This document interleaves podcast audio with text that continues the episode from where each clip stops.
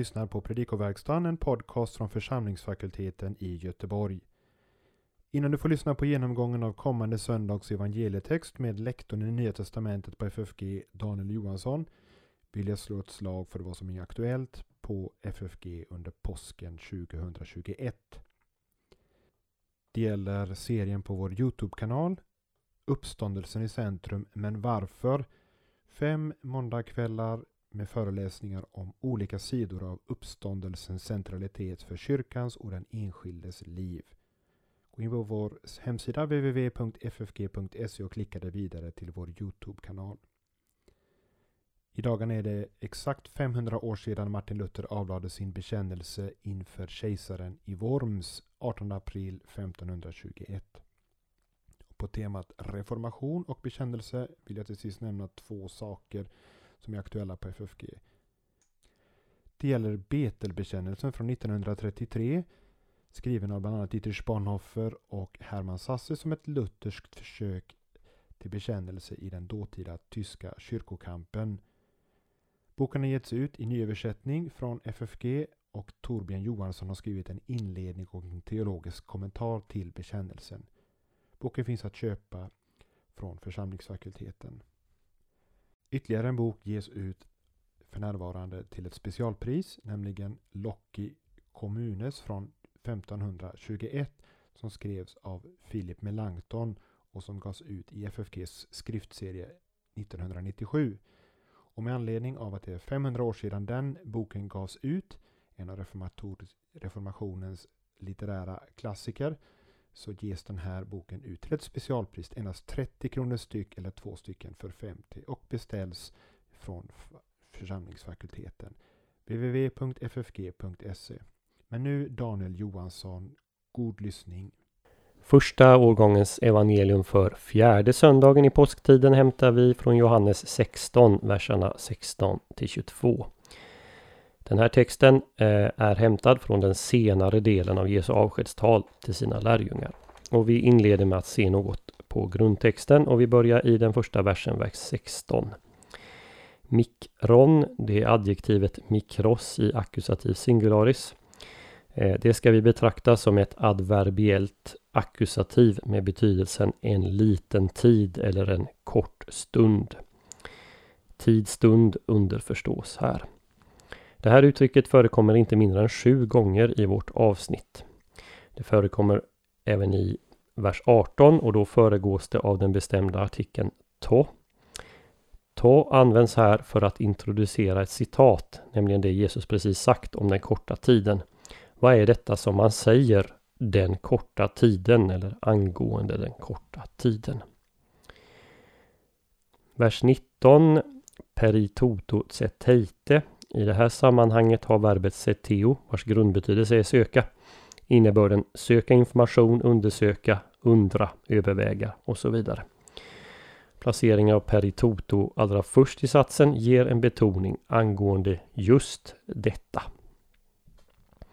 I nästa vers så ska vi lägga märke till att Johannes trots att han har ett ganska begränsat ordförråd eh, använder inte mindre än tre olika verb för att sörja, vara ledsen. Klausete, eh, frenesete och lypetheseste. Och dessutom substantivet lype.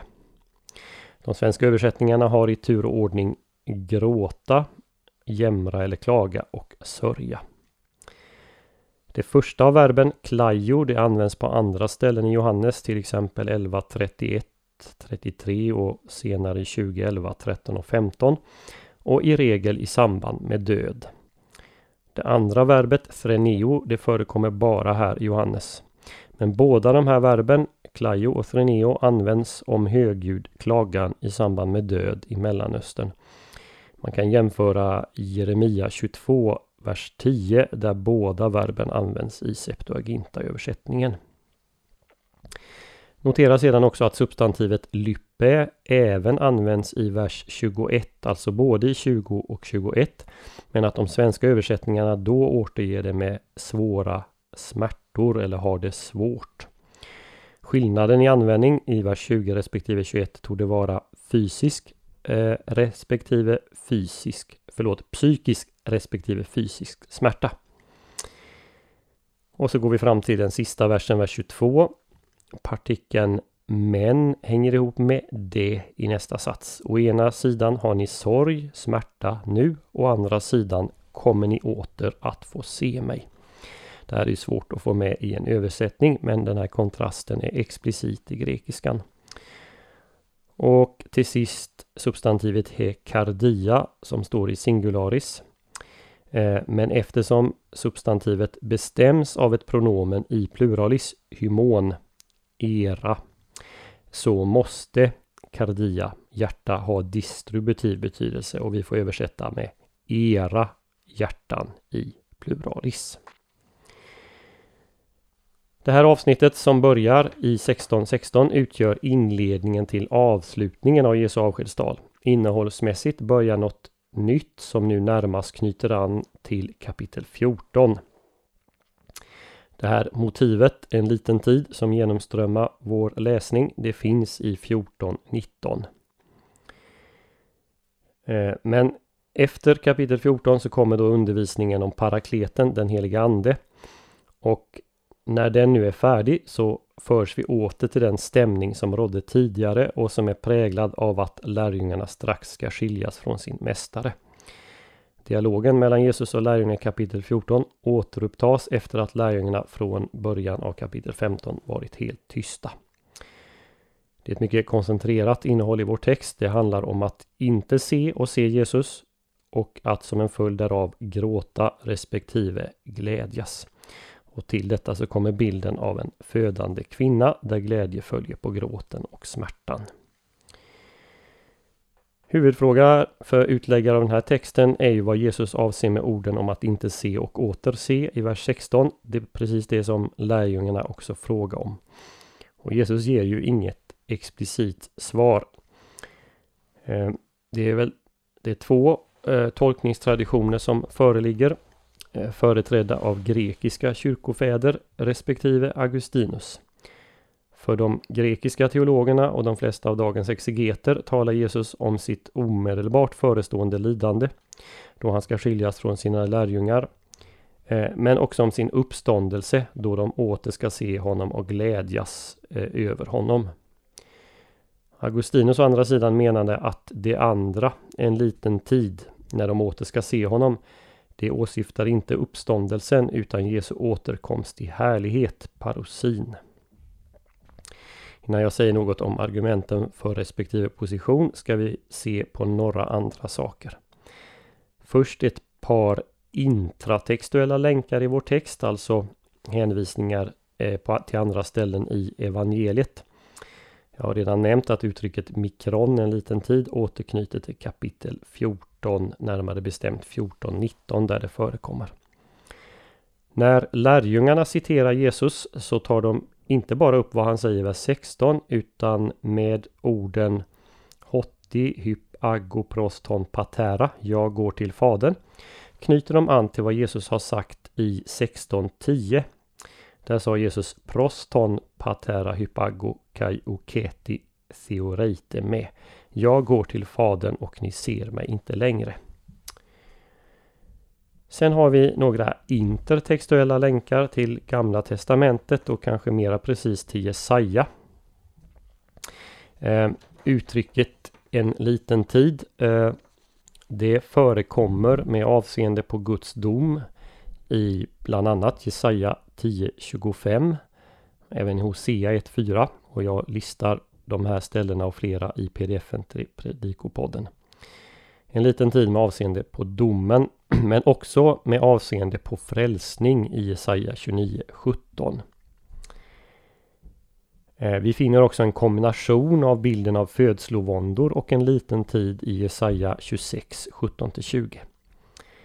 Bilden av en kvinna med födslovåndor är väldigt vanlig i GT, framförallt hos profeterna Jesaja och Jeremia. Det finns en hel lång rad med sådana ställen som finns citerade i eh, pdfen. Eh, den förekommer även i Nya Testamentet och Jesus använder den på flera ställen, till exempel i Matteus 24, 8, 21 och 29. Även temat med att sorg vänds i glädje förekommer i Gamla Testamentet. Det är väl ganska naturligt. Uh, till exempel i Jeremia 31.13, Jesaja 61 2-3. Det är också möjligen så att det finns ett eko av Jesaja kapitel 66 i verserna 21 och 22. Uttrycket era hjärtan ska glädjas finns i Jesaja 66 vers 14 och det följer eh, direkt på bilden av en födande kvinna som beskrivs i Jesaja 66 7 11. Vi kan också lägga märke till att Jesu övernaturliga kunskap framskymtar i, skymtar i det här avsnittet i vers 19. Vi har ju andra exempel på det i Johannes evangeliet i till exempel kapitel 2, vers 24 till 25 och kapitel 4, 17 till 18. Så tillbaka till huvudfrågan. Avser Jesus sin död och uppståndelse eller döden och sin återkomst vid tidens slut? Vad talar för det första alternativet? Och det är väl en naturlig läsning i ljuset av händelserna som följer i evangeliet. Mot alla odds, om man får säga så, kommer ju Jesus tillbaka. Löftena om glädje och frid som omnämns här i verserna 20 22 och efter, även efter vår textläsning i vers 24 respektive 33. De uppfylls ju i eh, Johannes 20 och 21. I 2020 så står det att lärjungarna blev glada när de såg Herren. Och i nästa vers så tillönskar Jesus dem sin frid. Och fridshälsningen förekommer även i vers 26. Och senare i kapitel 21 så är ju Petrus reaktion eh, när han får veta att det är Jesus som står på stranden en glädjereaktion. Vers 7, han kastar sig i vattnet. Eh, för den här tolkningen talar också 14.19 eh, där han Jesus säger till lärjungarna att världen inte längre ska se honom, men hans lärjunga ska göra det. Vilket ju stämmer väl in på hur Jesus visar sig som uppstånden efter eh, eh, på påskdagens kväll och så vidare. Å andra sidan, om man tar fasta på att lärjungarna också frågar om det Jesus sagt om att gå till Fadern och att de inte längre ska se honom i 1610 så öppnar ju det för parousia-tolkningen.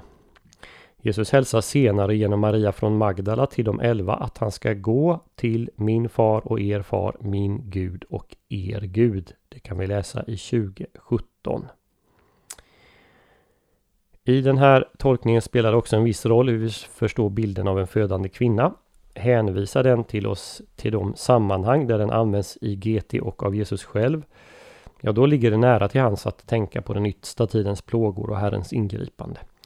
Å andra sidan kan det ju vara en helt vanlig bild av hur sorg och smärta vänds i glädje. En bild som ju är bekant för människor överallt i alla kulturer och i alla tider.